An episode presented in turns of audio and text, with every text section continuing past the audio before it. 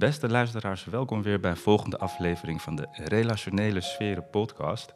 En vandaag heb ik hier tegenover me zitten Fleur Oude Voshaar. Welkom Hi. Fleur. Dank je. En ik zei net tegen haar, wat ziet ze er nog mooi en jong en gezond uit na al die jaren. wat, is, wat is je geheim? En eh, dan kwam, kwam er een mooi verhaal over Ayurveda uit. Maar deze Ja. podcast gaat hoofdzakelijk over burn-out. En met name burn-out tijdens relatie en daten. En Ayurveda gaat daar waarschijnlijk ook een bepaalde rol in spelen.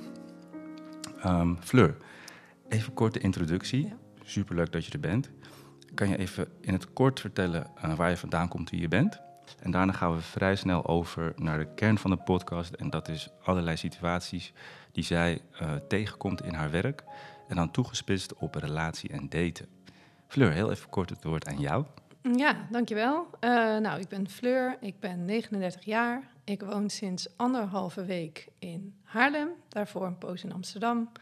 Ik heb een zoontje van bijna drie, Jesse. Uh, en ik ben burn-out coach. Top. En deze podcast is ook gemaakt voor mensen die met regelmaat uh, tegen de consequenties van burn-out aanlopen. Ja. Mensen die zelf burn-out hebben, maar ook mensen die samen zijn uh, met een partner die last heeft van burn-out. Of op het punt staan om een relatie aan te gaan met mensen met een burn-out. Ik val meteen even met de deur in huis wat betreft ons werk en uh, de spe specifieke situaties van onze cliënten waar zij in terechtkomen. Ja. Kun je een voorbeeld geven, of twee of drie voorbeelden, van specifieke gevallen waarbij burn-out een hele prominente rol krijgt in het rijden en zeilen van een relatie?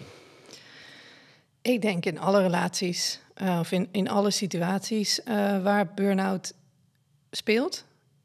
Um, is misschien even goed om meteen te kaderen dat ik me specialiseer in vrouwen, of eigenlijk alleen maar vrouwen uh, help. Dus ik, um, voor mij is het het makkelijkst um, om vanuit het vrouwelijk perspectief uh, te kijken.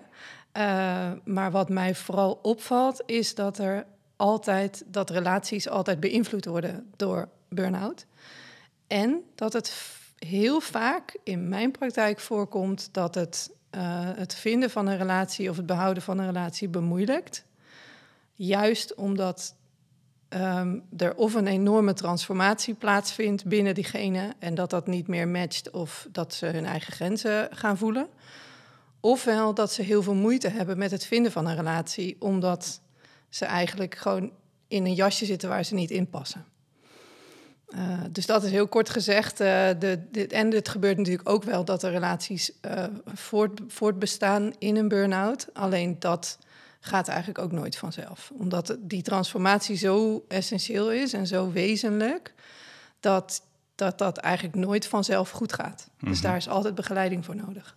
En dat is niet iets, uh, dat is niet alleen iets wat jij uh, hoort en ziet en voelt om je heen, maar dat is ook iets wat je zelf doorleefd hebt. Zeker. Dus voor de luisteraars uh, in deze podcast komen ook concrete voorbeelden eruit en um, vertelt Fleur over haar privéleven en Ja. hoe zij daarmee gedeeld heeft en hoe ze ermee gemanaged heeft om haar gezondheid en haar insanity te behouden. Of haar Insanity, ja, maar die om haar insanity heb ik ook behouden. Die is er nog steeds. om haar sanity te behouden en niet insane te worden. Ja. En um, um, ja, wat betreft die vrouwen, dat komt helemaal goed uit, want 80% van de luisteraars is vrouw. Ja, dus dat. uh, dat, is, dat valt helemaal op zijn plek. Ja. Um, even kijken. Um, gaan we het van twee kanten belichten. Wanneer je zelf een burn-out hebt en wanneer je een partner bent van iemand met burn-out. Ja. Um, misschien kunnen we in grote lijnen aangeven van wat zijn handige of onhandige eigenschappen of gedragingen die je kunt hebben als je zelf aan het daten bent met iemand die burn-out heeft. Of als je zelf in een relatie zit met iemand die een burn-out hm. heeft. Dus het, ik hoor vaak over uh, grenzen die gesteld moeten worden. Ja. Een afstand die genomen wordt omdat iemand overprikkeld raakt. Ja. En hoe kun je daar als partner of ja, dater daar het beste mee omgaan? Oké, okay, dus dit is vanuit degene die te maken heeft met iemand die een burn-out heeft. Um, Echt een emotionele verbinding ja, aangaat ja, ja. of uh, al Precies, heeft. Ja, Maar dus dan heb je te maken met, uh, ja, er is wat ik in mijn werk vaak um, zie en wat ik inmiddels na al die jaren ook wel kan zien en uit eigen ervaring kan bevestigen, is dat er wel een bepaald type vrouw is wat in een burn-out terechtkomt. En daarvoor is het handig dat ik heel even een uitstapje maak naar Ayurveda. Dat is mijn, ach, mijn bril eigenlijk waar ik door kijk. En daar wordt gesproken eigenlijk over drie typen uh, mensen. Um, en dat is het makkelijkste vertalen als het luchttype, het vuurtype en het aardetype. Vata, Pitta en Kappa voor de kenners. En uh, bij burn-out is er altijd vuur in het spel. Mm. Dat zit ook in de naam. Mm -hmm. hè? Dus, uh, dus de, het type vrouw wat in een burn-out terechtkomt, heeft altijd vuur in zich. En dat vuurelement, als dat uit balans raakt, vooral mentaal gezien, dan uitzicht dat vaak in controle, drift, in overambitieuze gedragingen, in um, prestatiedrang, in um, solisme ook wel, competitie, um, oordeel. Dat zijn allemaal dingen die, die te maken hebben met een ongebalanceerde uh, vuurvrouw. Mm -hmm. yeah. um, en er is altijd, het luchttype is ook altijd aanwezig. En dat uit zich vaak in stress en angst en dat soort dingen. Dus als je te maken hebt, en beide zijn uit balans, dan moet je eigenlijk voorstellen dat je een soort vuurtje ziet waar je heel hard op blaast. Dan krijg je een soort steekvlam. Nou, als je dat lang genoeg doet, dan ben je burn-out. Dus dat is eigenlijk heel plat geslagen vanuit Ayurveda hoe daarnaar gekeken wordt. Maar als partner is het dus belangrijk om te weten dat die beide elementen dus eigenlijk uit balans zijn. En dat je dus altijd te maken krijgt met angstige control freaks, noem ik het maar even. Het is heel gechargeerd. Ja. Ja. Alleen, uh, dit is iets waar als je daar tegenaan loopt, dat is zo confronterend. Omdat je eigenlijk hoe meer controle je probeert te krijgen, hoe gestrester je wordt. Ja. Want het lukt niet. En daar kunnen vaak uh, hele ja, ik doe even zo met mijn handen, stekelachtige bewegingen uitkomen of juist mhm. terugtrekkende bewegingen. Uh, dus het is vooral belangrijk om als partner te realiseren dat degene die dit meemaakt enorm, zich enorm angstig voelt en merkt dat hij de controle dus kwijtraakt, terwijl dat het mechanisme is waar ze zich altijd aan hebben vastgehouden. En dat ontglipt je, want je kan niet meer. Je kan niet meer. Mm -hmm. Dus alles waar je denkt controle over te hebben, gehad, uh, verdwijnt. En als je dat probeert als partner te zien, dan uh, helpt dat uh, in de relatie, denk ik. Ja. Ja, ja mevrouw. Je mag naar de andere kant van het huis. Ga maar. Zo. Sorry voor de onderbreking. Mm -mm. Geef niet. Voordat ze eventjes er langs kan. Dan ja, tuurlijk. Normaal niet zo sluit ik er gewoon buiten. Maar ja. ik kijk nu even hoe het gaat. Ja, dus dus, het, uh, dus de partner die. Ja, eigenlijk is, de, is altijd, denk ik, de beste bril in relaties naar, om proberen compassie te krijgen met je partner. Alleen als je dus ziet dat, dat, het, dat er een soort paniek ontstaat van: oh, mijn lichaam doet niet meer wat ik wil. Uh, vaak is het bij vrouwen ook het geval dat ze heel veel klachten krijgen. Hè? Want het is een hormoonverstoring, dus er zijn hormonale klachten. Er komen vaak ook enorme schommelingen in de stemming. Uh, maar ook gewoon dat je gewoon niet meer functioneert. Uh, dat is heel angstig. En als je daar dus als partner naar kijkt met compassie, uh, dan dat helpt. Ja. Dat is een heel goed begin. Ja. en vooral niet proberen iemand te fixen.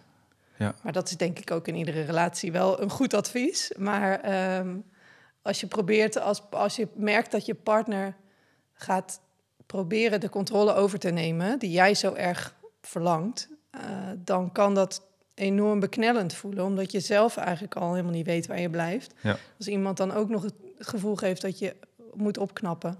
Ja. Uh, en snel een beetje. De, en je, dan dat werkt. Krijg je geen ademruimte om te doen Precies. wat je te doen ja. staat. Ja. Heel interessant. En uh, ik kan me ook voorstellen dat er um, partners zijn die daarin heel erg getriggerd worden hè, in het gedrag of de, de ruimte die uh, iemand met een burn-out nodig heeft. Ja. Want als mensen wat onveiliger gehecht zijn of verlatingsangst hebben, ja. dan worden er per ongeluk nog wel behoorlijk wat knopjes Enorm. gedrukt. Ja. Hoe kan je dat in een soort van teamverband managen? Ook al heb je het als iemand die burn-out heeft, al druk genoeg met jezelf. Mm. Uh, en dan bedoel je teamverband tussen de twee partners in de relatie. Ja, wat, wat zijn handige manieren van mm. communiceren? Ja. Of is dat er misschien ook niet? Ik hoor, ik hoor af en toe best wel een lachje bij jou. Van, je ja. hebt waarschijnlijk in die situatie gezeten die herkenbaar is. Ja. Heb, heb je enigszins heling mee gehad? Kan je op terugkijken, kan je erom lachen? Ja. Maar er zijn ook gewoon mensen die daar nu middenin zitten en het gewoon vreselijk vinden. En oh, ik vind het fijn om te zien hoor, dat je erom kan lachen. Nee, ik lach meer omdat het, het is herkenning. Ja, ja. en het is ook vaak die dingen die het, um, het moeilijkste zijn. Want eigenlijk, kijk, ik, ik chargeer heel veel, want anders kan je, weet je wel, je moet ieder geval natuurlijk apart bekijken. Het voorbeeld ook versterken daarmee, ja. vind ik wel fijn. En het wat vaak, um, eigenlijk, nee, wat eigenlijk altijd meespeelt in burn-out, is dat er onverwerkte gevoelens, emoties meespelen. En um, dat de vrouw in kwestie uh, eigenlijk al jaren en dat is vaak, zelfs bij jonge twintigers, uh, meer dan tien jaar het geval. Dat ze bezig zijn eigenlijk die emoties te ontwijken. En vanuit daar in die controledrift en die ambitie en die prestatiedrang terechtkomen. Maar die emoties die liggen nog wel steeds te wachten. Mm hè? En, Om verwerkt uh, te precies. worden. Precies. En... en zij zijn eigenlijk gestopt met voelen, omdat dat functioneel is. Dus eigenlijk zijn bijna alle mensen die met een burn-out in aanraking komen, verleerd om contact te maken met de emotie. En dat speelt natuurlijk heel erg mee in de relatie. Dus ehm, als partner heb je, eigenlijk het, ja, heb je eigenlijk alleen ruimte te creëren voor dat gevoel. Ja. En ik moet ineens denken aan een liedje van uh, Typhoon. Eh, van het album Lobida Bassi. Hier heb ik jaren niet aan gedacht. Maar daar staat een liedje op. En dat heet um, Sta me toe om, ehm, om stop te zeggen. Ik weet niet hoe de titel van dat, woord van dat liedje is. Alleen hij zegt dus, hij spreekt dus vanuit zijn positie tegen zijn vriendin, vrouw, die alleen maar doorgaat, doorgaat, doorgaat. En dan eigenlijk heb je als man te proberen in, als partner, maar hè, mhm. in dat geval uh, de ruimte te proberen te bieden zonder dat op te eisen. Mhm. En dat is echt een enorm ingewikkelde Uitdaging, positie. Ja. En het kan ook heel lang duren. Ja. Heb jij een beetje vanuit jouw ervaring een indicatie gemiddeld uh, hoe lang het duurt voordat iemand aan het helen is van de burn-out, zodat er een relatie weer een beetje normaal op gang kan komen? Uh, nou, dat duurt wel een jaar, denk ik om, om een, zeg maar een, uh, een cijfer te noemen. En Mits er goede begeleiding is en er ook consistent uh, aan gewerkt wordt. Ja. En, en eigenlijk is de paradox, hoe sneller je komt bij het punt van het gaat heel lang duren, hoe sneller het overgaat. Hmm. Dus hoe sneller jij accepteert dat je dus niet jezelf kan fixen en dat je partner jezelf ook niet kan fixen, maar dat je het te doorstaan hebt, en dat je dus eerst die heuvel over moet van voelen wat je te voelen hebt mhm. en verwerken en verteren en uh, jezelf opnieuw uitvinden. Hoe langer je jezelf daar de tijd voor geeft, hoe sneller je eruit bent. Ja. En dat vind ik ook een beetje het tragische van het verhaal. Want als je zelf een partner bent van iemand met burn-out, dan is het één groot vraagteken wanneer het goed ja. komt. En zelf wil je misschien ook dingen in het leven bereiken. Als je op het punt staat om te gaan samenwonen. Of als je op het hmm. punt staat om een samengesteld gezin te creëren. En je bent maar aan het wachten. En je bent misschien al een aantal jaar tegen dingen aan aan het lopen. Of zelf over je grenzen aan het gaan. Omdat je je partner de ruimte moet geven. Ja. Dan, daar ontdek je ook zelf grenzen in. Zeker. En dat is soms dan zo tragisch. Van ga je dan vanuit de onvoorwaardelijke liefde doorzetten en heb je geduld? Ja. Of kies je voor jezelf en zeg je op een gegeven moment van... wauw, weet je, mijn partner zegt tegen mij... zij kan mij nu niet de liefde geven waarvan ze voelt dat ik die nodig heb. Ja. En ik voel dat ik stappen wil maken in het leven. Ja, dat is echt een spagaat waar je dan in zit. Ja. ja, dat denk ik ook. En ik denk, ik denk uiteindelijk dat je wel ehm, een beetje kan voorleven... hoe het uh, nou ja, wat, wat gezond is. Hè? En, en, zelfs als dat betekent dat je dan dus ergens uh, nee tegen moet zeggen. Dat wil niet zeggen dat je dan iemand in de steek laat. Alleen ik denk wel dat het heel inspirerend kan werken ook. Zeker in, de, in een, zo'n burn-out is echt een transformatieproces. En wat ik merk is dat de mensen die ik daarin begeleid... op dat moment ook super openstaan voor hoe doen anderen het. Mm dus eerst, het is vaak een beetje, een, uh, komen verschillende fasen. Hè. Eerst komt een soort verzet van, eh, ik wil hier niet in en eh, waarom overkomt dit mij? En een soort frustratie en Mhm. boosheid. En daarna een soort verslagenheid van, nou ja, ik weet het niet meer, eh, schiet mij maar lek, zeg maar zo. En, en op dat moment, dat is een beetje die theory U, als je dan helemaal onderin de put zit, zeg maar, dan komt er vaak een met horten en stoten, maar wel op een gegeven moment een stukje overgave. En dan zie je wel vaak dat, heel, dat, dat er ook gekeken wordt naar van, hé, hey, wat dient mij nou eigenlijk? En wat kan ik dus ook van andere mensen leren?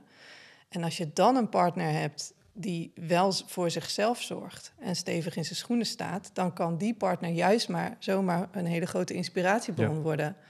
Waar je wel weer eh, ja, verbinding mee kan krijgen en, eh, en je aan kan eh, Ja. steunen. En Ja. daarin verder ook helemaal geen oordeel. Er zijn mensen met burn-out die een relatie beëindigen. Er Ja. zijn partners eh, die een partner hebben met burn-out en een relatie beëindigen. Ja. En sommigen kunnen daarin zulke grenzen tegenkomen dat ze zeggen: dit werkt voor ons allebei niet meer. Nee.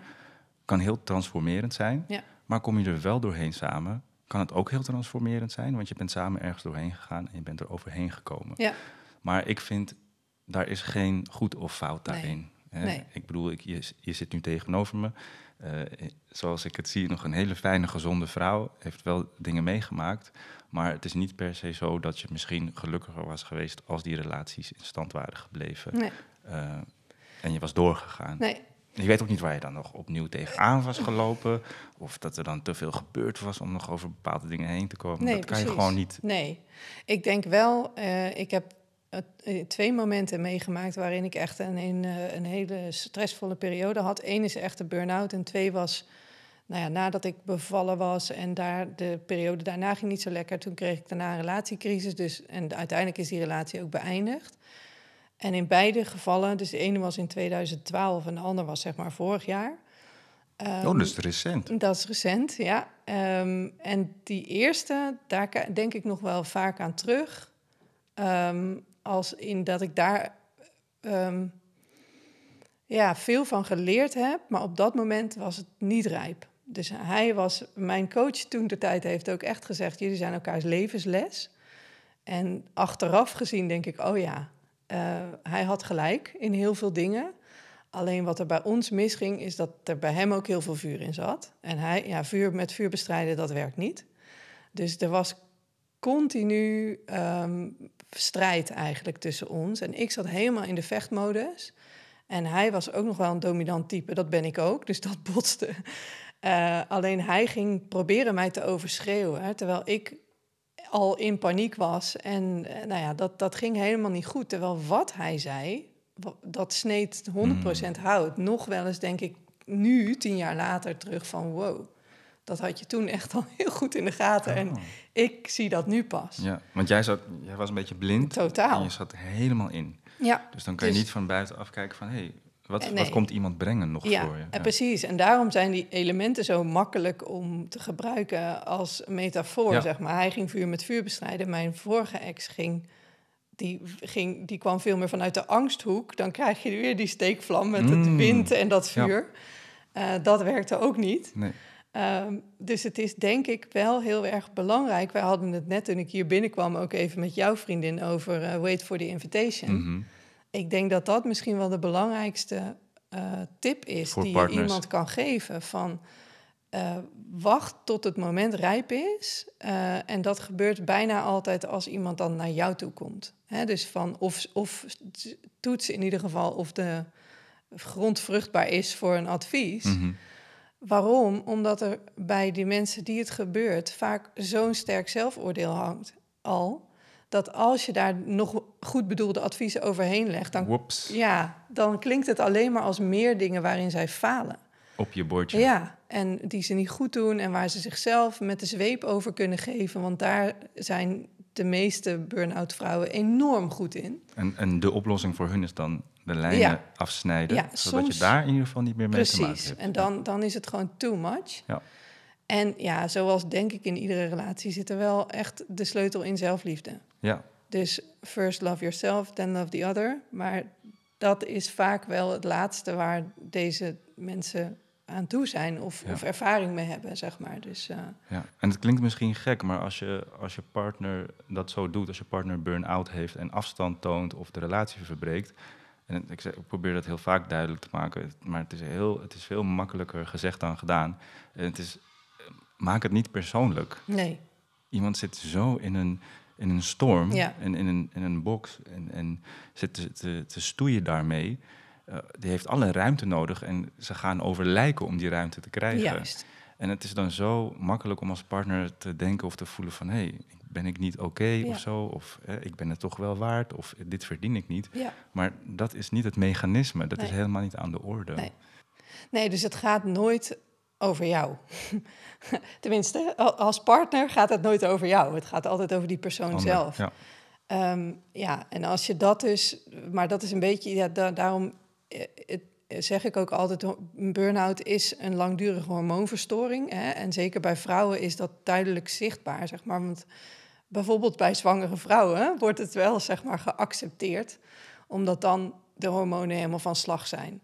En als een zwangere vrouw uit de plaat gaat tegen haar man, dan kan hij zijn schouders ophalen en denken, ja, ze is zwanger. Vindt Ja. hij niet per se leuk, Ja. maar er is een soort aantoonbare reden. En eigenlijk is dat in een burn-out hetzelfde. Dat zijn namelijk dezelfde hormonen die op zijn kop staan.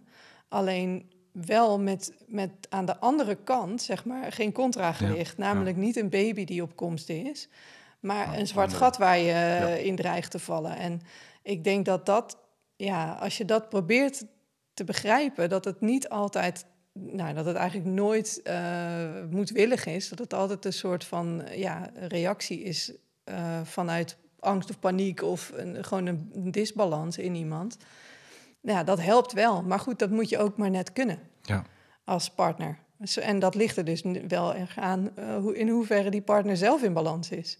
Want hoe groter de, daar de weer de, de disbalans, hoe sneller je elkaar natuurlijk triggert. Ehm, ja. En de verschillende types, die kunnen elkaar ook heel erg versterken. Dus eigenlijk is wat ik altijd eh, in de intake probeer ik altijd een beetje de, de relatie te toetsen. En dan vraag ik ook, stel ik altijd een paar controlevragen. Dan ga ik niet vragen welk type is jouw man. Maar dan stel ik wel een aantal zelf de vragen. conclusie trekken. En eigenlijk waar ik heb gezien dat de relaties eh, goed blijven bestaan, is wanneer er dus een aardetype naast staat. Want het aardetype die balanceert zowel vuur als wind. En die zijn steady. Dat zijn mannen en ook vrouwen. Die geduldig zijn, die stevig zijn, die, die gewoon letterlijk ook wat zwaarder zijn. Dat zijn vaak wat grotere mensen die, die je niet zo snel omverduwt. Die Mhm. krijg je niet zo snel gek. Ze zijn vaak ook wat langzamer, dus ze- ze jagen je niet nog verder op. Ze zijn zorgzaam, ze hebben veel compassie. Dus als je dat soort matches ziet, dus een kappa-type met Pita Vata daarnaast, dat gaat bijna altijd goed in dat soort extreme situaties. Maar vuur en vuur en wind en vuur. Dat is niet zo slim. Niet in de, als ze in balans zijn, Ja. kan dat heel goed gaan. Maar Ja, ja. eh, als dat niet is, dan, eh, dan kan het eh, ja, elkaar versterken.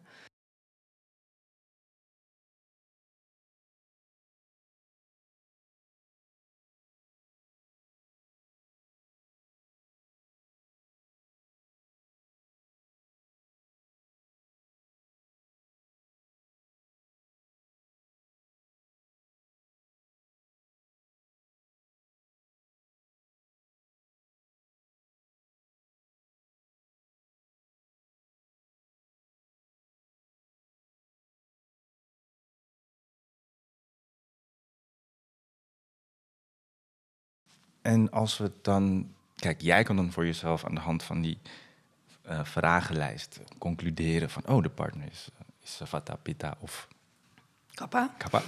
Eh, maar als, er nou, als ik nou nu iemand luistert naar deze podcast... en een partner is van iemand met burn-out...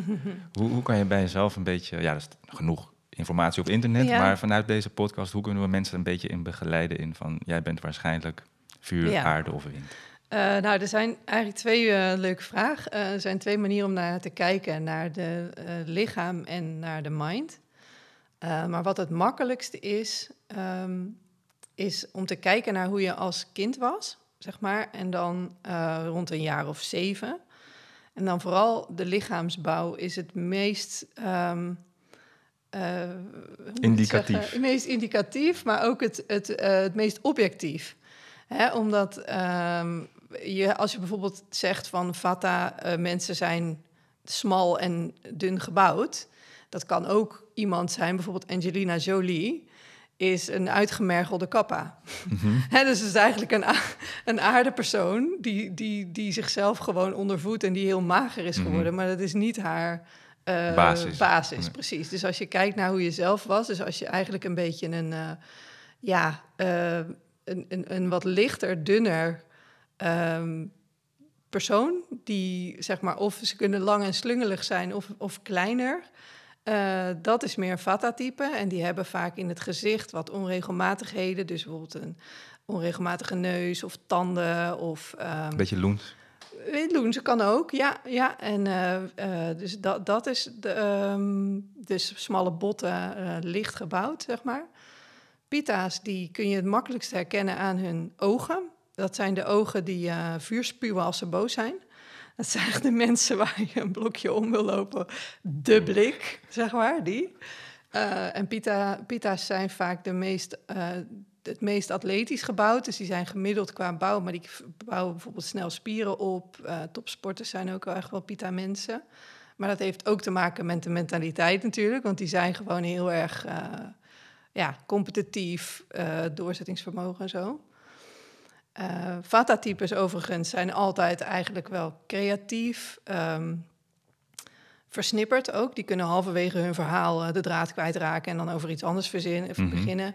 Vergeetachtig. eh, maar ook zeg maar muzici bijvoorbeeld of, of kunstenaars zijn vaak Vata-types. Bob Dylan is een heel goed voorbeeld. Als je die ziet, het was een klein dun mannetje met kroezig haar en een beetje crooked teeth en Mhm. een scheve neus en mega creatief. Zeg maar, dat is typisch Vata-type. Pita-type zou bijvoorbeeld eh, eh, Madonna kunnen zijn of eh, hoe noem je die? Tony Blair Mhm. van of David Beckham. En dan heb je de kappa-types en dat zijn meer de wat, wat breder gebouwde figuren, zeg Mhm. maar. Vaak volle lippen, grote ogen, een romige huid, volle haren, eh, ronde borsten. Dus echt zeg maar een beetje de Scarlett Johansson-achtige eh, mensen. Ehm, ja, en dus inderdaad rustig, kalm, zorgzaam, eh, geduldig, wat ik net al zei. Ja.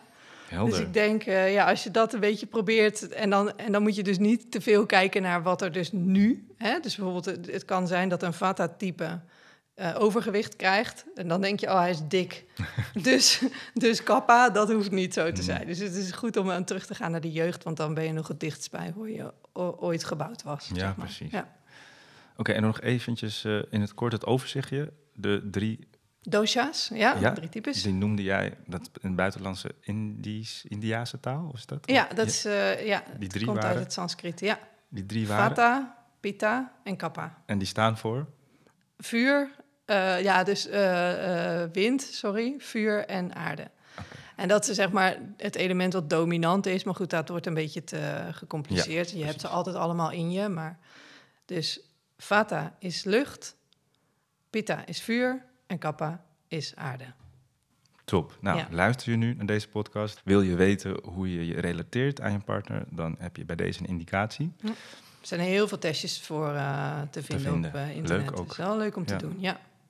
En eh, daaruit heb je ook allerlei andere voedingsdingen waarmee je dan een Ja. beter leven kan leiden Ja. en gebalanceerder kan leven. Precies, ja. Heel waardevol. ja. Ehm, dan zou ik nu graag over willen gaan tot het onderwerp. eh, als je zelf een burn-out hebt, maar je bent aan het daten. Ja. Of je zit in een relatie. Ja. Wat kan je doen om jezelf te managen? Ja. Goh, nou, ten eerste zeg ik zoek hulp.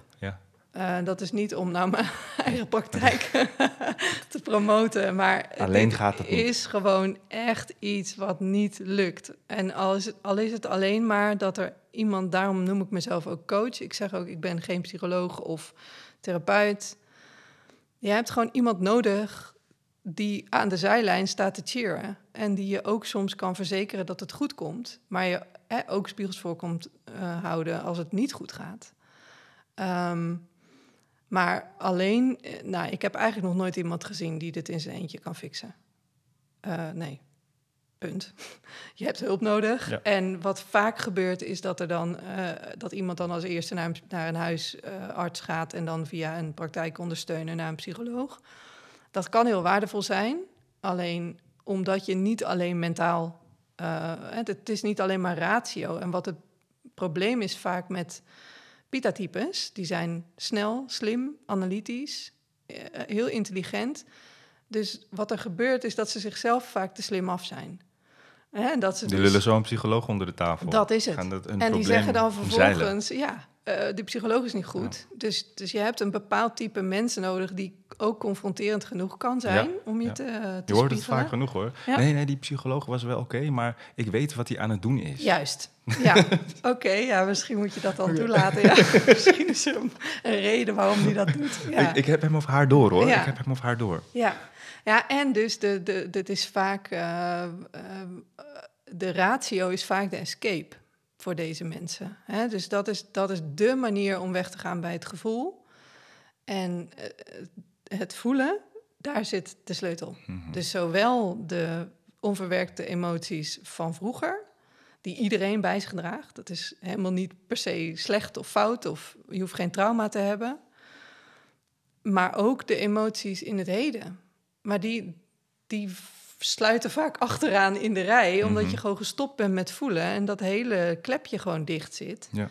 Ehm, ja. En ik moet wel lachen, want ik zit dus net, ik vertelde jou net, ik heb een paar weken geleden corona gehad en een hele vervelend kuchje aan overgehouden. Maar ik heb ook altijd gedoe met mijn keel. Mhm. Dat is ook typisch. Ik hoor ook echt een bepaald soort rauwheid. Met wat ik heel eh, mooi, ja. wat kenmerkend, eh, Ja, zo authentiek, ja. Ja, vroeger was het nog erger. Maar, zeg maar door de, de- microfoon hoor je het gewoon nog zoveel Nog- beter dan wanneer ik jou hè, vroeger sprak. Zeg ja, maar. dat klopt. Ik hoor het zelf ook. Maar het is vooral ook zeg maar dat mensen letterlijk hun keel op slot voelen, eh, schieten. Is vaak ook gewoon weggeslikte tranen, Mm. maar ook blokkades, problemen in de keel, polypen, dat soort dingen. Dus bijna altijd eh, wel iets aan de hand. In, want daar zit gewoon letterlijk, ja, je hoofd staat via je keel op de rest van je lijf. Mhm. En mensen met burn-out zijn vaak wel wandelende hoofden. Ja. En die blijven gewoon in hun hoofd zitten en ze bedenken alles, ze hebben alles geanalyseerd. Maar het voelen en het connectie maken met de rest van hun Ja. wezen, dat is vaak moeilijk. Ja, Ja, en je zegt dat ook wel mooi van het hoeft niet per se een trauma te zijn. nee. Maar we kunnen in het dagelijks leven en het, het verleden ook zulke dingen meegemaakt hebben die zich opstapelen. En eh, ja, ga daar dan naartoe. Als je inderdaad Ja. boos bent of gefrustreerd of verdrietig, ga dan ook boos zijn. Ga dan ook verdrietig zijn. Ja, Eh, dus ah, haal die herinneringen ook omhoog. Maar ook daarin zoek hulp. ja. Ja, en dus als je dus met een partner bent, dan zou je dus wel in, in het heden daarmee kunnen oefenen. Hè, dus, want het is vaak soms zo eh, beangstigend om van, oeh, als ik eenmaal wil voelen, ga voelen, dan gaat het mis. Of Alles vernietigend. Ja, en hoe vaak ik gehoord heb van... oh, maar als ik eenmaal begin met huilen, dan stop ik nooit meer. Gewoon letterlijk die zin, die heb ik denk ik al wel 60 keer gehoord van haar cliënten.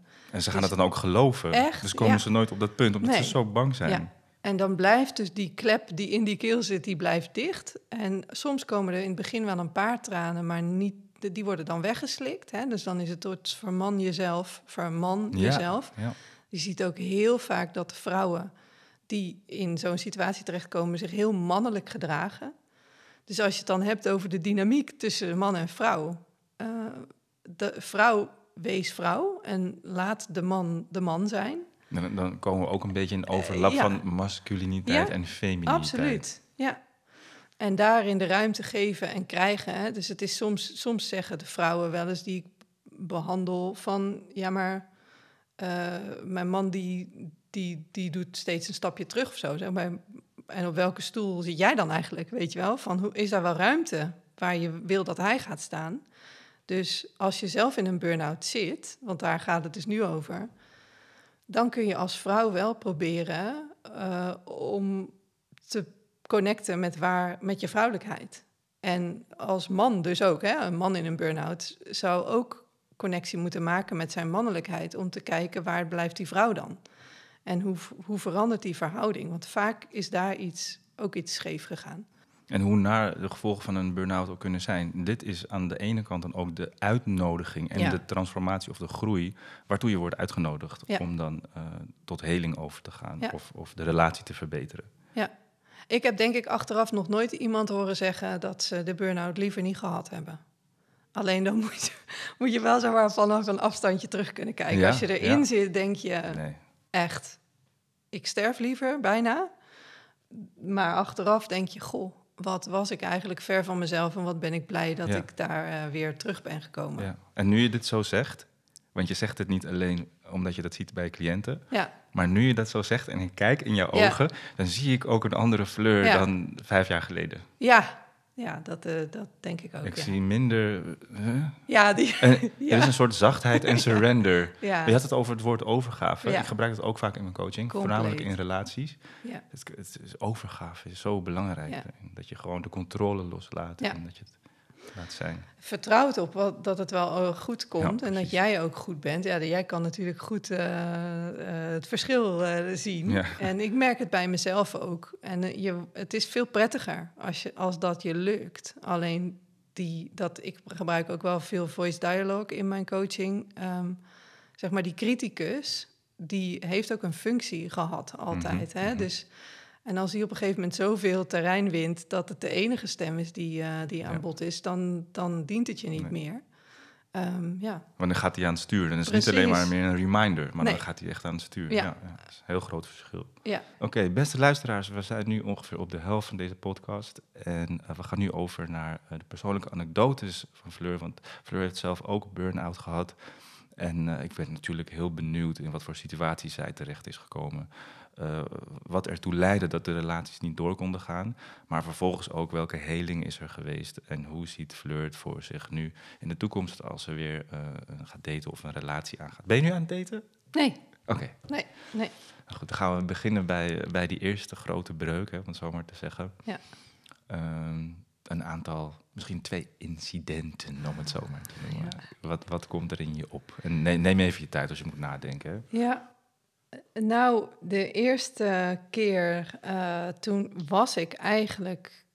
Ik heb hem ontmoet toen ik net in het begin van mijn burn-out zat. En eh, toen zat ik echt nog in de fase van... Ja, dat ik zo overweldigd was van... eh, of door wat ik allemaal niet meer kon. Dus ik werd heel erg ehm, eh, beperkt in alles. En ik wilde dat, ik zat volledig in ontkenning. Dus ik, aan alle kanten liep ik tegen dichte deuren aan, zeg maar. Dus dingen lukten niet meer, ik kon het niet meer. eh, ik was continu gefrustreerd met mezelf. Ehm, eh, dus daar zat heel veel boosheid in dat stuk. Dus als ik kijk, zeg maar, dit was 2013 zo ongeveer. En aan het begin van 2013 heb ik toen deze man ontmoet. En eh, dit was dus degene die vuur met vuur probeerde te bestrijden. En daar was dus het thema ook echt boosheid en frustratie. Ik was zo boos de hele tijd op hem. Ehm, Op de wereld. op de wereld, vooral op mezelf natuurlijk uiteindelijk, maar vooral de onmacht, zeg maar, die ik toen voelde. En ehm, ja, wat er toen gebeurde was, was ik, dat was eigenlijk ook heel destructief. Want ik probeerde dus steeds ergens grip op te krijgen door extra gas te geven. En ehm, nou, wat er toen gebeurde in onze relatie is dat ik een andere man tegenkwam waar ik me dan helemaal in kon verliezen, zeg maar. En dat, ik hem eigenlijk enorm aan het testen was. Eh, dus Wat ga je nu ging- doen dan? Wat ga je nu doen ja, dan? heel erg over veiligheid. En eh, dat was echt het hoofdthema. En ik was eigenlijk bijna een soort erop uit om te bewijzen dat het toch wel mis zou gaan. Mhm. En hij bleef staan uiteindelijk, Oeh. maar hij ging enorm over zijn eigen grens. Dus Oh. daar kwam ook zijn boosheid terug, die hij eigenlijk op zichzelf had. ehm, die vervolgens tussen ons in kwam te staan, zeg maar. hè. Dus hij, eh, ja, ik deed eigenlijk iets naar hem toe wat hij niet oké vond. Eh, hij besloot om te blijven staan ten koste van zichzelf. Maar vervolgens kreeg ik daar wel de rekening van Mhm. gepresenteerd... omdat ik hem zogenaamd iets aan had gedaan... terwijl het zijn eigen keuze was. Mhm. Dus dat, dat was... Ja, hij had ook eh, kunnen vertrekken. Hij had kunnen vertrekken. Ik denk dat hij dat ook had moeten doen. En wat denk jij achteraf van toen hij bleef staan? Was dat zo van, oeh, wat moet ik nu doen? Of vond je het ergens fijn dat hij bleef staan? Ik vond het fijn dat hij bleef, bleef staan. Ehm, maar het kwam niet helemaal vanuit de juiste Mm. beweging, denk ik. Want ik denk dat hij ook wilde bewijzen aan zichzelf dat hij het heus wel kon. Hè? Dat- Dus het kwam niet echt alleen maar vanuit liefde. Ehm, ja, dus daarin had- hadden we ook wel heel erg elkaar spiegel voor, zeg maar. Ja. We leken in die zin ook te veel op elkaar, denk ik. Wow, dat is echt heel herkenbaar. Ja.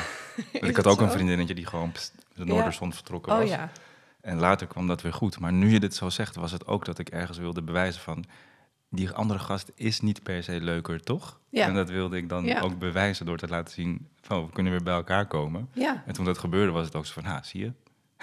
Ja, ik ben nog wel zie leuk je wel, genoeg. heus wel. Ja, ja, dus het kan ook heel mooi zijn als je het vanuit de... want ik heb dit, dit kunstje namelijk nog een keer geflikt met mijn... Dus die andere. Oh my god, Fleur. Ja, Wat een openbaring. Blijkbaar, ja, bl- blijkbaar is het dan toch een soort escape of zo. Ja. Of een soort test die ik dan... eh, alleen bij hem, eh, mijn laatste ex, was het wel eh, vanuit een integere Mm, mm, overtuiging van... hé, hey, als jij de ruimte nodig hebt, dan krijg jij die.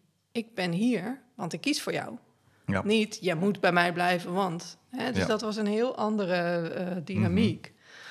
Eh, dus ik denk dat in het eerste hoofdstuk zat heel veel boosheid. Ja. En vooral denk ik van hem wijsheid, eh, die bij mij niet kon landen, hè, waar we het net over Ja, hadden. ja, vertel even. Wat, wat voor wijsheid was het nou, achteraf? hij had bijvoorbeeld een, dat was aan het einde, toen was hij op reis in Nepal en hij stuurde me toen een foto, ehm, een WhatsApp-foto met een soort, ik weet niet meer precies wat erop stond, maar een soort muurschildering was het, waarop stond ehm, ehm, zoiets van, je kunt, het- nou, het kwam erop neer van je kunt het wel weten, maar eh do you walk the walk, zeg maar. Hè? Dus hij, eigenlijk was zijn boodschap en hij zo, ja, moest hierbij aan jou denken. En dat schoot bij mij zo in het verkeerde keelgat. Maar wat hij me eigenlijk zei is van... ehm, rationeel snap en zie jij alles, maar je brengt het niet in de praktijk. En uiteindelijk had hij het, daarmee over mijn kwetsbaarheid. Dus ik wist het allemaal wel, maar ik verschuilde me achter wat hij dan noemde boekjeswijsheid. Mhm. Dus dan kwam ik met Jan Geurt en met weet ik veel wie allemaal. En dan was ik Eckhart Tolle aan het lezen. Dus ik was heel erg bezig met mijn eigen ontwikkeling. En dan, dan als, hij, als wij dan ruzie kregen met elkaar, dan zei ik, ja, maar jouw ego. Terwijl het was alleen maar mijn ego wat tegen Je hem... ziet jezelf. Totaal. en Ja. hij had dat wel in de gaten. Dus los van het feit dat zijn ego de pan uitflipte, gaf hij me wel terug van: hé, hey, maar heb je nou niet in de gaten dat, dat je eigenlijk blijft doen wat je altijd deed, maar wel andere mensen erop veroordeelt, omdat je niet kwetsbaar kunt zijn? Mhm. Omdat ik niet gewoon in tranen uit kon barsten van shit man, ik voel me zo verdrietig. Ja. In plaats van tranen van woede, waarna ik na anderhalf uur eindelijk ging voelen dat ik eigenlijk stiekem heel verdrietig was. Wat je En nu ook begrijpt Veel- en al lang doorleefd nu, hebt. Ja, En nu kijk je daarop Ja, terug en denk je, oh my god, hè, dit is wat hij bedoelde. Precies. Maar En- toen Nee. had je er gewoon geen oren naar. Nee, ik had er geen oren naar. Ik wilde het niet eh, weten. Ik denk dat hij ook veel te confronterend was daarin. En dat ik eigenlijk wel wist dat hij gelijk had. Maar er gewoon niet aan toe was. Om, Ja. eh, want dan moest ik er iets mee. En dan zat die hele eh stuw meer van tranen, zoals we dat zo mooi zeggen, te wachten. Die later ook gekomen Ja. is. Gelukkig. Ja, Ja. maar En daar een was ik bekend, toen helemaal niet klaar voor. nee, en dat is ook een, een bekend fenomeen trouwens, hè, dat mensen heel veel weten van boeken en wijsheden en, en boeddhisme.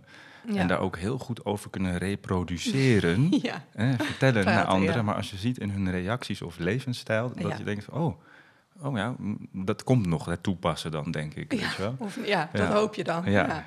Nou ja, en ik kan me dus wel voorstellen dat dat voor hem frustrerend was. Eh, omdat hij daarmee ook niet bij mij kon komen. Terwijl hij dat echt heel graag wilde. Ja.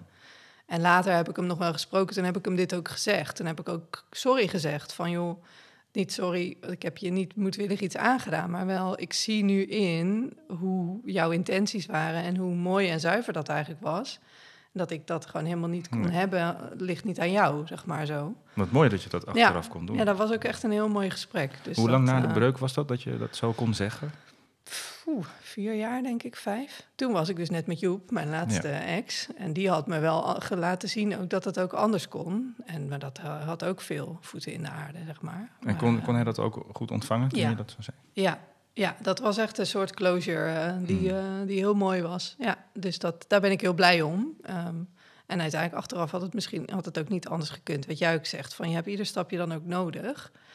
Alleen ik denk wel dat je het soms kunt versnellen als je kop uit het zand haalt, Ja. gewoon letterlijk. En als je dus echt eh, ja, het werk erin wil stoppen. Want dit komt niet vanzelf. Het is niet van, oh, oké, nee, maar dan begin ik wel even met voelen. Nee, dan moet je echt wel voor aan de bak.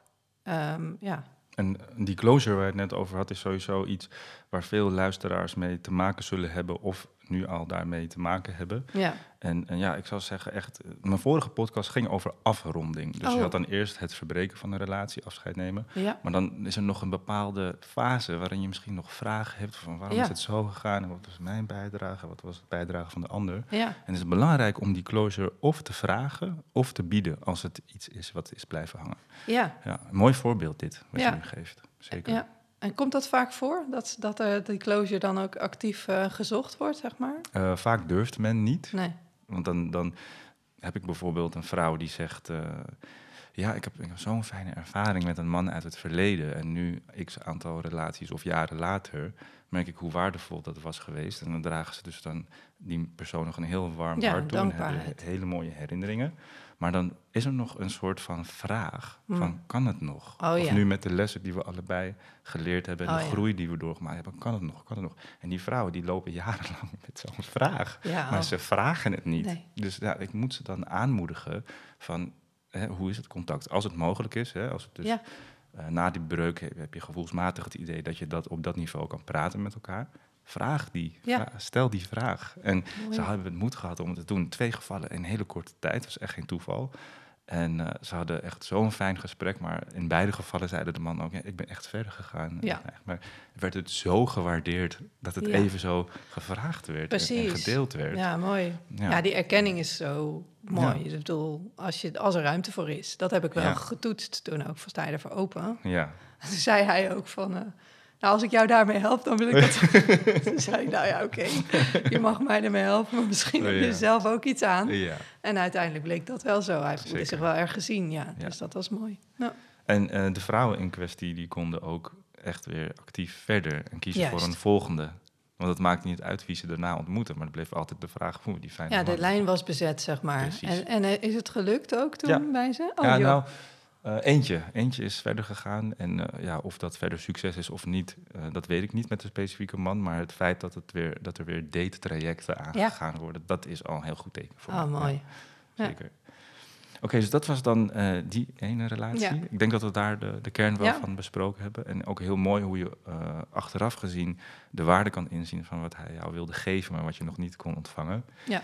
En, dan, en dan de meest recente, dat is ook wel een jaar geleden. Ja. En de vader van je kind. Ja. Ja. Daar ben ik ook heel benieuwd naar. Ja, nou, daar was denk ik het thema verdriet. Mhm. Eh ze had ook heel veel boosheid, want daar, eh, tenminste, daar, daar, hij was bang voor mijn boos, zeg maar. Dus dat, eh, oh, daar is hij. Oké, we pakken hem zo weer. Ja, is goed. Hij had nog netjes gewacht tot bijna het einde.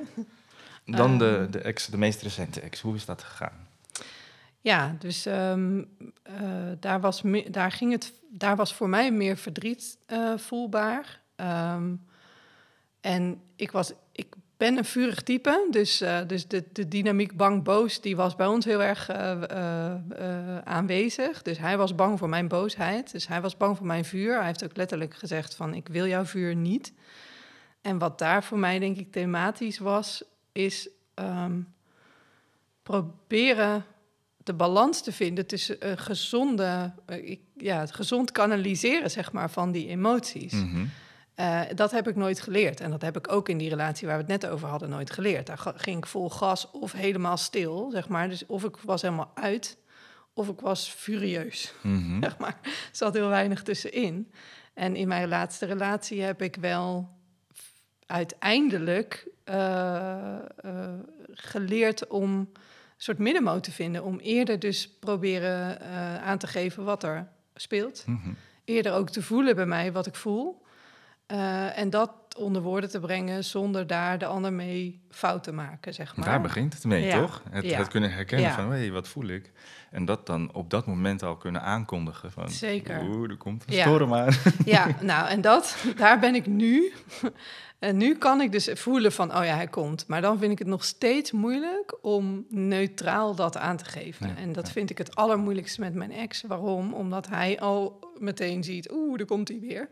Dus En- op het ja. moment dat het lijkt te komen, zit hij al in, oeh shit, daar gaan we weer. En dat is een effect op hem wat jij ook niet ja, wil. nee, dat is echt, maar dat is gewoon de legacy, zeg maar, van zes jaar samen zijn en... eh, Het patroon. het patroon, absoluut. Ehm, maar ik merk het nu wel in andere situaties met mensen die, eh, eh, ja, waar ik wat minder historie mee heb, zeg maar, of wat minder dichtbij sta in die zin dat het me veel beter lukt om dat veel zuiverder aan te geven. Eh, Zonder daar- dat daar iets van een, een, een schuldvraag bij Ja. zit of een slachtoffervraag. Eh, ja, of een oordeel. Ja. Bij mij was het heel vaak oordeel en verwijt. En ik ben toen ook non-violent communication eh, cursussen Top, gaan doen. top, top, ja, top. En daar heb ik zoveel van geleerd. Ja. En ook geleerd waarom ik zo boos kon worden over zijn formulering.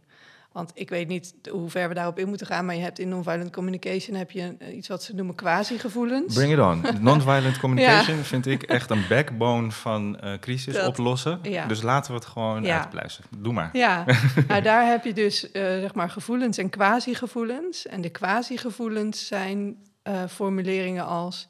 ik voel me niet gezien of ik voel me niet gehoord. Of ik... dus daar zeg je eigenlijk, jij hoort me niet. Dus je zegt eigenlijk iets over de ander in een ik-formulering. Mhm. En eigenlijk bijna altijd als je dat gebruikt, schiet het bij de ander verkeerd. Ja. Want er zit een oordeel in of een Ja. verwijt. Of, eh, en dat bedoel je misschien niet zo, maar het Nee. is eh, wel vaak het effect.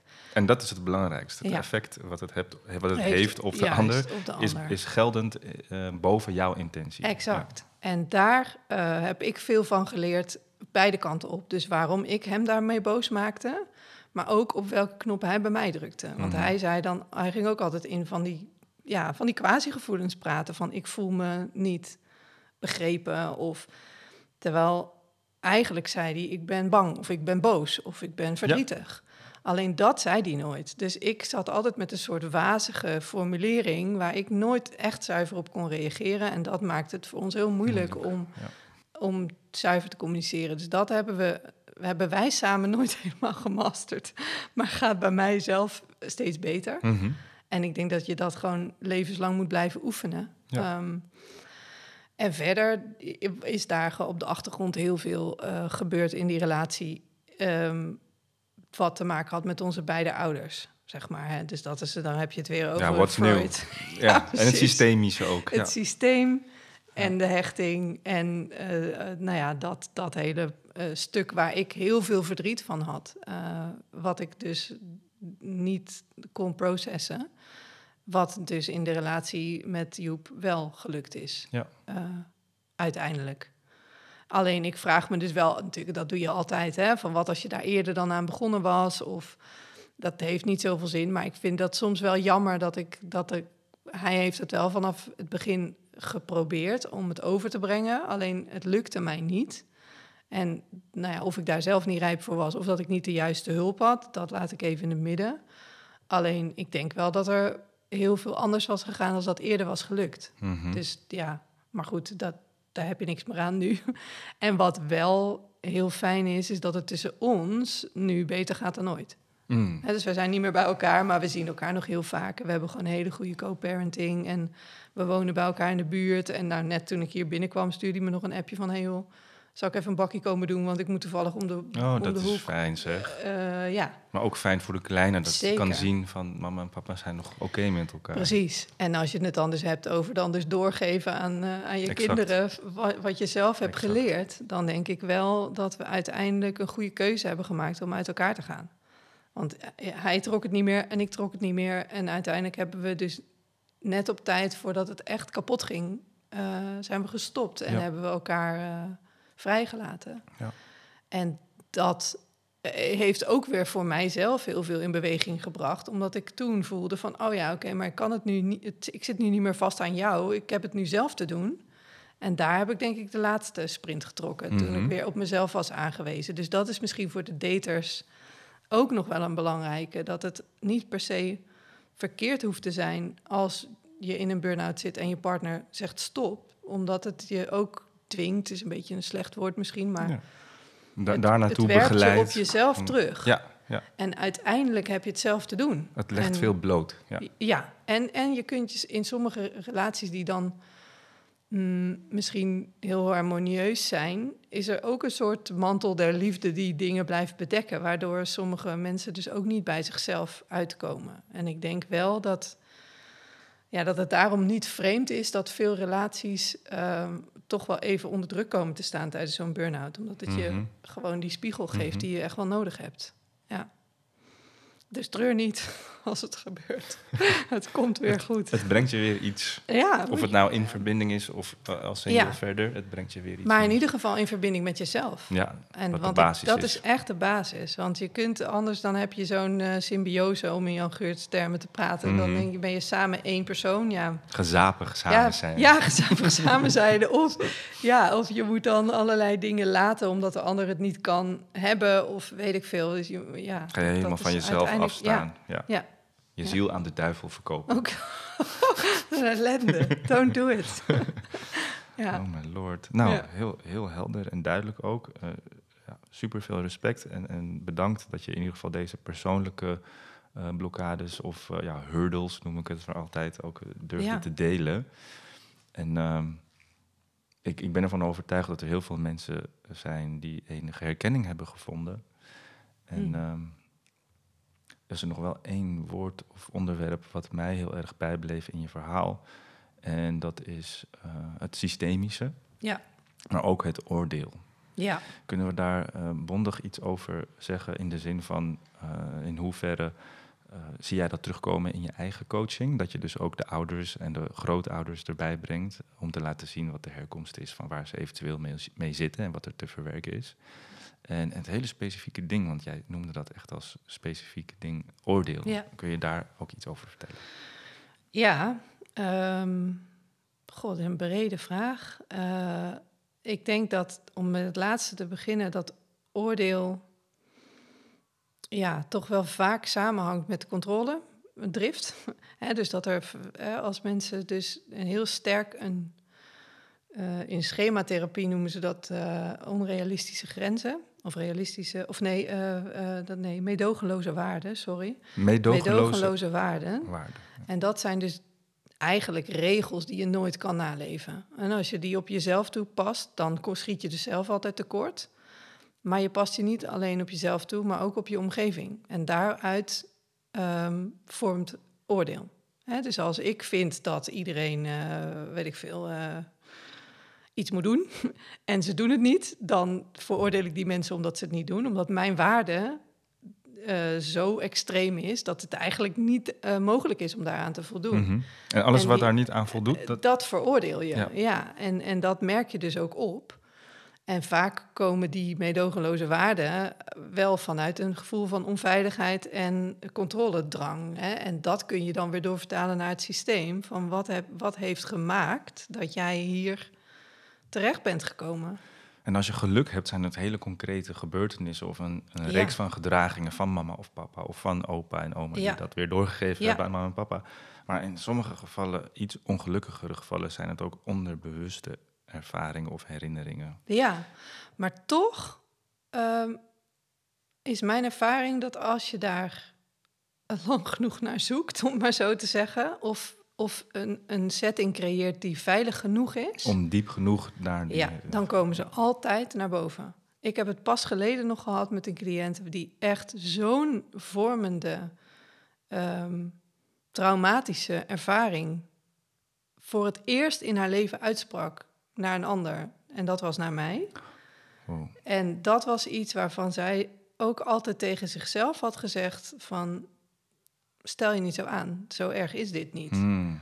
En dat was, daar zat zoveel in. Ik kan daar niet over in detail treden. Alleen dat was voor haar. Nou, ik, die... En er kwam ook zoveel uit op dat ja, moment. Ja, nou, dat was niet normaal. Ik denk dat zij gewoon 20 minuten, want het was online ook nog, 20 minuten voor het scherm alleen maar heeft gehuild. Tranen, ja. En het enige wat ik heb gedaan is mijn hand op mijn hart leggen en proberen daarbij Net te haar te blijven. zijn, Precies. ja. En dat kun je natuurlijk live veel beter doen. Alleen voor de haar was beperking van online. ja, Ja, ja, maar toch, toch gaat dat het. online ook. Als je gewoon maar in connectie blijft. Ze voelde maar. zich veilig genoeg Enorm, blijkbaar. ja, Ja, dat was echt heel mooi. En heel pijnlijk voor haar ook. Alleen, eh, zeg maar, de maanden daarvoor eh, was deze herinnering, wat jij zegt, onderbewust of onbewust weggestopt. Ehm, waardoor die nog niet ver- verwerkbaar was. Hè? En als je maar lang genoeg dan met iemand samen blijft en eh, eh, ruimte maakt voor wat er aan wil komen, en dan steeds een laagje dieper kunt, dan komen die dingen dus naar boven. Zo heb ik ook ooit een keer van een vrouw een mail gekregen. Zij was al wat ouder. Zij was echt al, ik denk, door, nou, tegen de 50. En zij vertelde mij dingen uit haar, uit haar eh, nou, begin twintiger jaren... die echt heel schokkend waren. Die ze helemaal niet meer, had helemaal niet meer aan gedacht. Dus op de een of andere manier, het is niet dat ik daar ga zitten prikken, helemaal niet juist. Want ik, ik zeg ook altijd, ik ben geen psycholoog, maar we gaan wel kijken hoe we kunnen proberen om bij je basisveiligheid met jezelf te herstellen. Mhm. En daar kun je wel dingen voor trainen en eh, ja, eh, zeg maar de spanning die daar omheen hangt, stukje bij beetje af te bouwen. En Ja. dan komen die dingen dus naar boven. En als je dat dan, dat hoeft soms ook niet meer te zijn dan dat. Dan een paar keer goed janken over wat er gebeurd is. Of op een kussen slaan of een brief schrijven naar degene die je dat heeft aangedaan. Of wat het dan ook is. Voor iedereen is dat er heel Ja. verschillend effectief.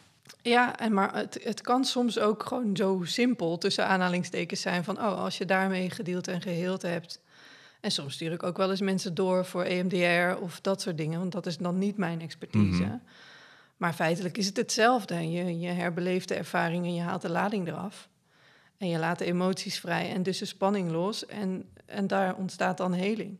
Ja. Klinkt heel simpel, is het niet per se. En ook weer wel. Eh, maar als je daar dus goede hulp bij krijgt, dan kun je dus echt wel herstellen en weer nieuwe eh, patronen ontwikkelen. Ja. ja. Zeker.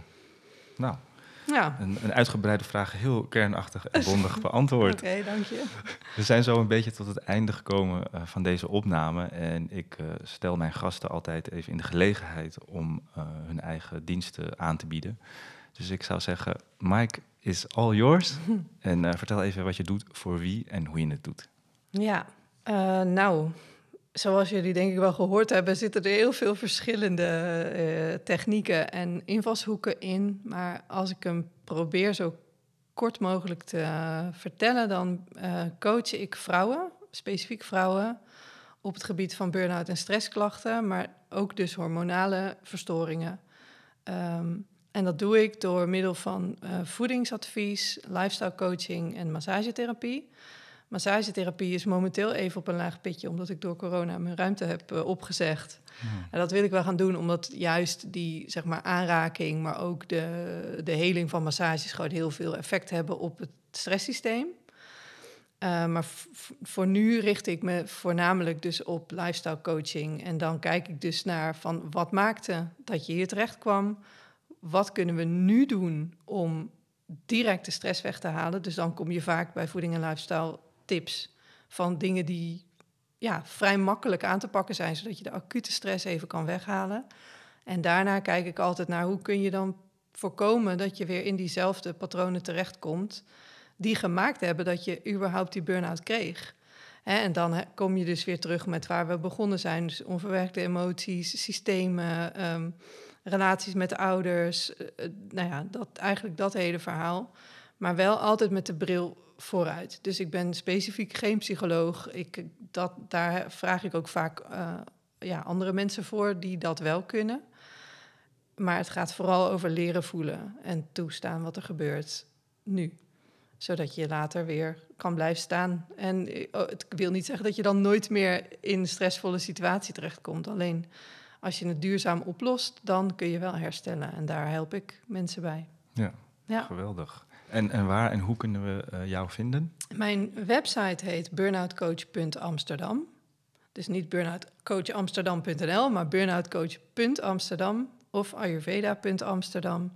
En daar um, vind je mijn programma's. Uh, en ik coach nu voornamelijk dus online. Soms doe ik het face-to-face. Uh, maar ik moet in Haarlem nog even mijn draai vinden. Dus, uh, maar voorlopig blijft het wel gewoon punt Amsterdam, ook al zit ik daar niet meer. Okay, dus daar kun je me vinden. Ja. Helder. En yes. ik ben nog één laatste vraag vergeten. En vind ik zelf ook een mooie afsluiter. Hm.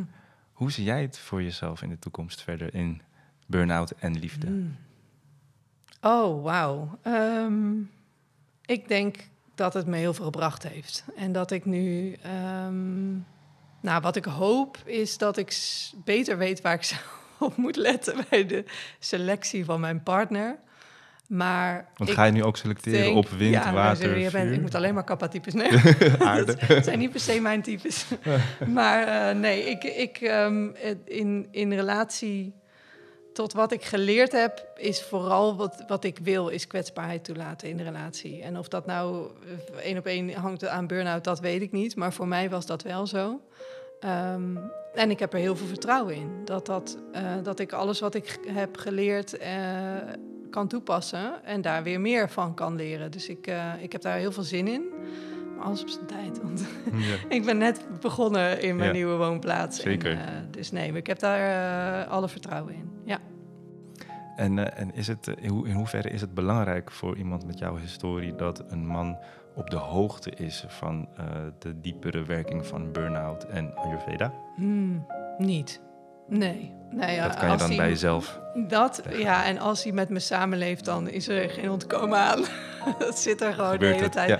Ja. maar ook wel op een, op een manier waarvan ik laat zien hoe het mij dient.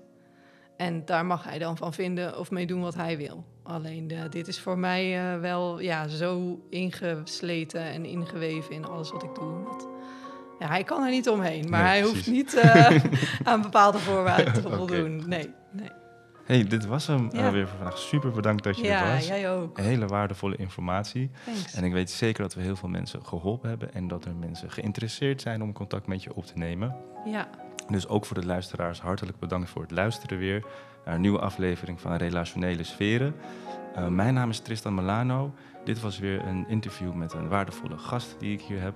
Maar er komen ook nog wat solo talks aan en de volgende gaat over het maken van een nieuw begin. Nou, sluit mooi aan bij de visie van Fleur. We gaan het hebben over het maken van een nieuw begin en dat kan in veel vormen. Je bent mannen of vrouwen even helemaal zat en gaat een post lekker single zijn. Uh, of je overweegt misschien wel om weer iets serieus te beginnen. En hoe je dat kan doen en waarom je dat zo doet, dat gaan we allemaal bespreken. Ik hoor jullie de volgende keer weer en tot de volgende keer. Hoi hoi. zo leuk.